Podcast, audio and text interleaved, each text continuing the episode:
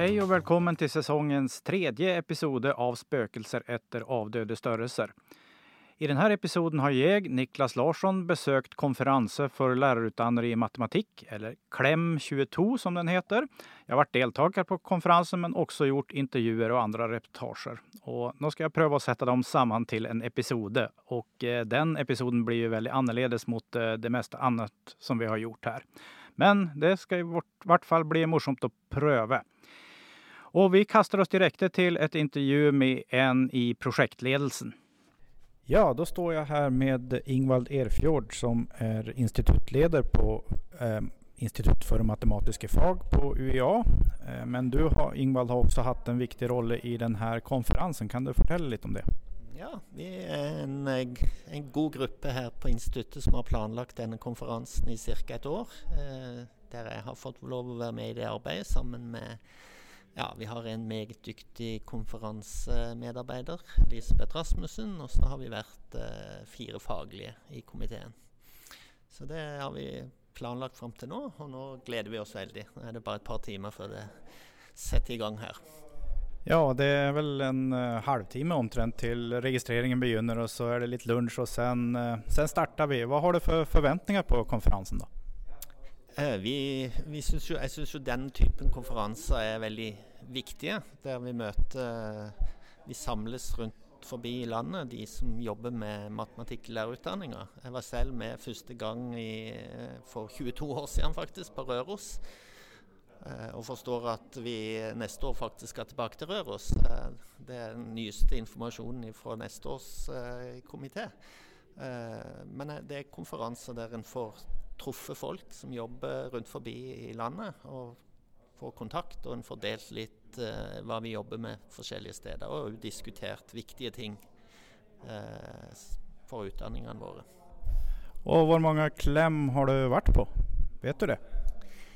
Ja, klem, eh, Betegnelsen klem var jo ny i fjor, så jeg har vært på én. Og er i ferd med å gå inn på den andre, så foreløpig har jeg full eh, eh, fulltegna på de. Når det gjelder totalt, så tror jeg at dette er min sjette uh, konferanse. Så jeg har, uh, har, ikke vært med på alle, men uh, alltid satt pris på å delta. Ja, og da er det vel bare å håpe at det blir en veldig god konferanse da når vi starter om en time eller to. Det håper vi virkelig, og det, det, det, tror jeg. Vi har fantastiske omgivelser her og nydelig vær. Så bare det er jo en fin start. Og så blide, hyggelige folk som har kommet foreløpig, så jeg har store forventninger. Ja, takk Ingvald. Ja, det var noe om forventningene før konferansen startet, så det er vel like bra å gå direkte til konferansestarten.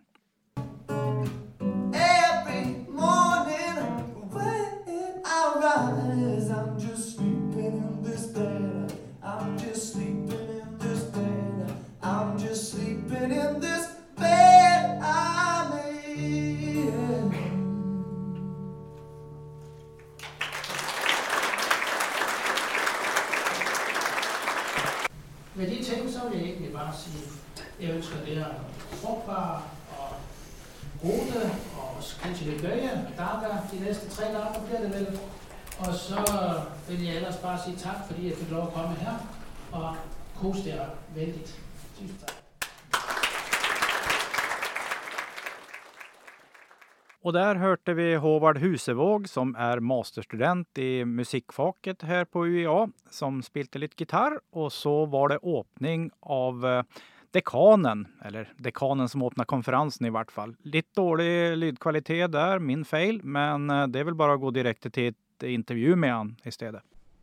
Ja, da skal vi teste her. Da er det en svensk som skal snakke med en dansk, og vi skal forsøke å snakke norsk. Det er da Mikael Rygård Hansen som er dekan på fakultetet. Og du er professor i hva? I hydraulikk. Og hvordan er ditt forhold til matematikk da? Jeg bruker det jo mye. Jeg underviser bl.a. i modellering og simulering, som i praksis er numerisk løsning av differensialligninger på si, elektriske, hydrauliske, mekaniske, reguleringstekniske systemer. Og eh, ditt forhold til lærerutdanning?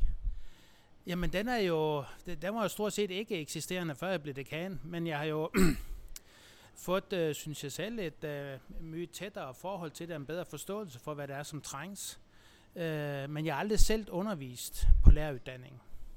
Nei, men som dekan så blir man jo involvert i det meste. Ja. Hva tror du om konferansen her, da?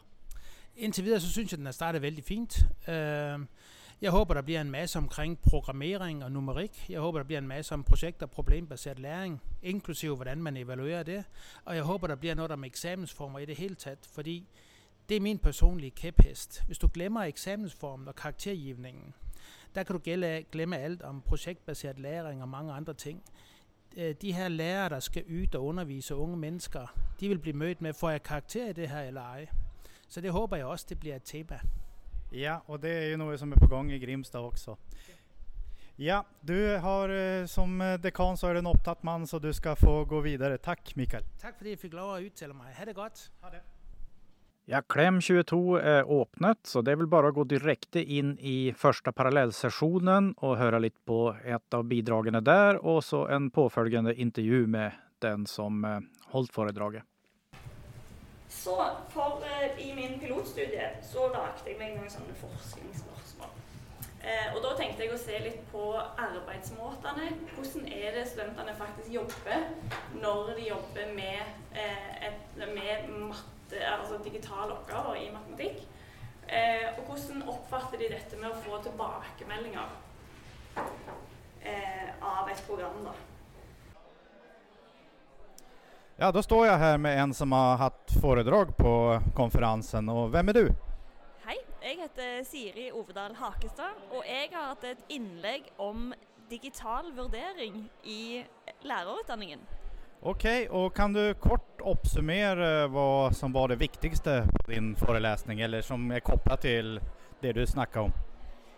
Det viktigste er vel at eh, vi må bruke enda mer tid på å finne ut hva er det som eh, studentene syns, eller oppleves som at de, at de lærer noe i den digitale verden. da.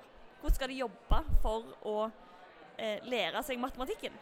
Ja, du hadde jo sett noen forskjell også på hvordan de jobber når de jobber digitalt, eh, om man sier det sånn, og når de jobber på papir. Hva, hva var den forskjellen?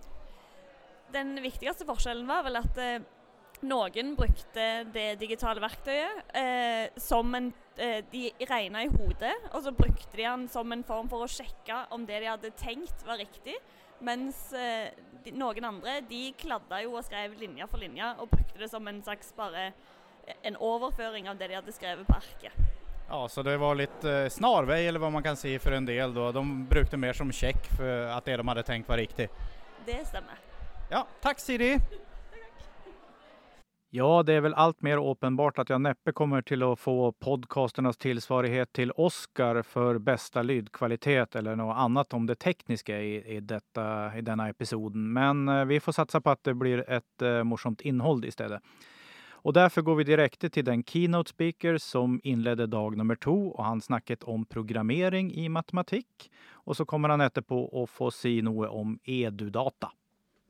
Så, ja, så det første jeg gjør, er at jeg prøver å legge til rette for at elevene på en måte har repeterer den matematikkunnskapen de trenger for å løse den oppgaven som jeg skal gi dem. da. Så erketypisk, da, la oss si at jeg ønsker at elevene mine denne timen her skal lage et program som f.eks løser et eh, lineært ligningssett med to ukjente. Da. Ja. da er det jo fordi det er veldig naturlig for meg at jeg repeterer stigningstall, repeterer konstantledd, jeg repeterer kanskje hvor sånn at de skjærer hverandre og vi får en løsning på dette her. At vi repeterer på det vi har vært igjennom før. Og da lager vi på en måte et sånt grunnlag for dette her. Eh, og dette må gjøre sånn, Uavhengig av hvilket matematisk problem eller hva vi skal programmere, så kan man gjøre dette. Så for I noen divisjoner er det naturlig å snakke om løsninger hva er de løsningene forteller oss? Hvordan kan vi finne de? Hva slags løsninger er det vi forventer å få? Så det er det første punktet. Eh, og det er egentlig ikke for å miste noen, da. Ikke sant? Da står jeg her med Morten Munte fra NMBU, som er en av keynote speaker på konferansen, som akkurat har holdt et foredrag om eh, programmering i matematikk. Og du skal få si litt om EDU-data. Ja, så edudata.no, som står for Educational Data, er en nettressurs for lærere og for så vidt lærerutdannere. Eh, hvor vi legger ut både datasett og eksempler på undervisningsopplegg i matematikk og egentlig alle de andre realfagene primært nå på videregående nivå, men vi vil også strekke oss utover til både universitet og ungdomsskole etter hvert som tiden går. Og vi håper fra støtte fra alle andre universiteter og høyskoler, så det er bare å ta kontakt hvis noen ønsker å hjelpe oss med det. Ja, og det er du som er i hvert fall en av dem som ligger bak det. Og hvordan får man kontakt med dere? Ja, så du kan eh, Jeg jobber jo på NMBU, så hvis du bare googler mitt navn, Morten Munte og NMBU, så finner du det vel. Ellers er min e-postadresse morten.munte at nmbu.no. Høres bra ut. Takk, Morten. Men det er jo tross alt sånn at de aller fleste på Klemkonferansen er jo ikke foredragsholdere. Det er vanlige deltakere. Så det er vel best å gi seg ut i minglet og høre hva det har å si. Og eh, her har jeg da en vanlig deltaker. Jeg har jo snakket med eh, medlemmer i programkomiteen og de som har hatt eh, foredrag. Men eh, du har ikke hatt foredrag, Maria, eller? Eh, nei, jeg er bare deltaker i år. Jeg må si jeg er veldig eh, imponert og jeg syns det er veldig spennende. Så jeg jobber på Nord universitet på Nesna, og da å få komme eh, på en sånn her konferanse og møte andre som interesserer seg for matematikkdidaktikk, det syns jeg er veldig inspirerende. Så jeg kjenner nå jeg gleder meg til å komme tilbake på kontoret og fortsette med egen forskning. Og man, ja, man blir rett og slett inspirert av å høre på alle de forskjellige foredragene. Høres veldig bra ut. Takk, Maria. Takk. Det var jo en hyggelig prat med Maria, men dessverre er det ikke alle deltakere som er like høflige som hun. Eh, jeg har hatt en prat med en mystisk mann i solbriller, og jeg må vel beklage at uh, lydkvaliteten i det her intervjuet er ikke så bra, men dessverre er kvaliteten på innholdet enda dårligere.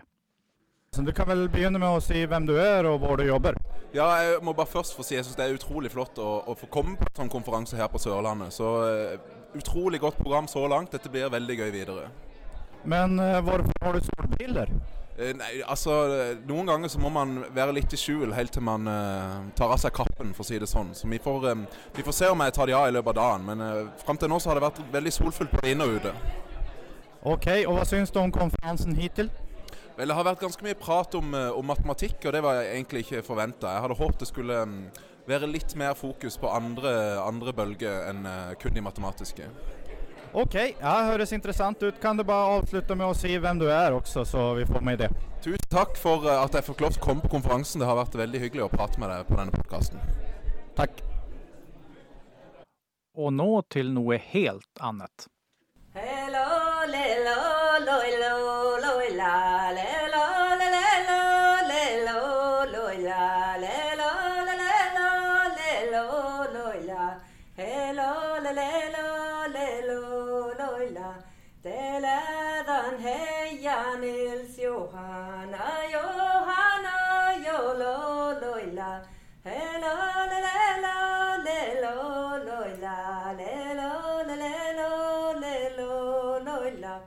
Det var Mai Toril Hettasiri som framførte en joik som en hyllning til sin sønn. Og nå har jeg hørt på to bidrag om matematikk med kobling til den samiske kulturen, og Mai Toril hun var med i det ene av de her to bidragene. Ja, det ene bidraget var vel også mye av en workshop, kan man vel si, der vi fikk spille et spill. Eh, og de tre som framførte de her to bidragene, skal selv få fortelle litt om dem etter at de har presentert seg. Mai Toril Hetta Siri, kommer fra Kautokeino og har jobba som lærer der. Anne Birgitte Fyn, jobber på Universitetet i Tromsø og har ei bistilling på Samisk høgskole. Oskar Wang, også Universitetet i Tromsø. Og først, eh, dere snakka jo litt om eh, min tolkning i hvert fall, at hvordan man oversetter ord på norsk eh, til samisk, og med fokus på mønster, da. Stemmer det, og hva tenker dere om det? Ja, eh, når det gjelder den eh, læreplanen som vi har eh, i matematikk, så er den oversatt fra norsk til samisk. Og ordet mønster går igjen. Og vi ser i den oversatte versjonen så er det mange ord, terminologier, som kunne ha vært brukt istedenfor ordet mønster. Og som ikke er med i den planen. Og det gjør at eh, språket blir fattig, og forståelsen av eh, den planen og innholdet blir også fattig etter det. Ja, har du noe å legge til om det?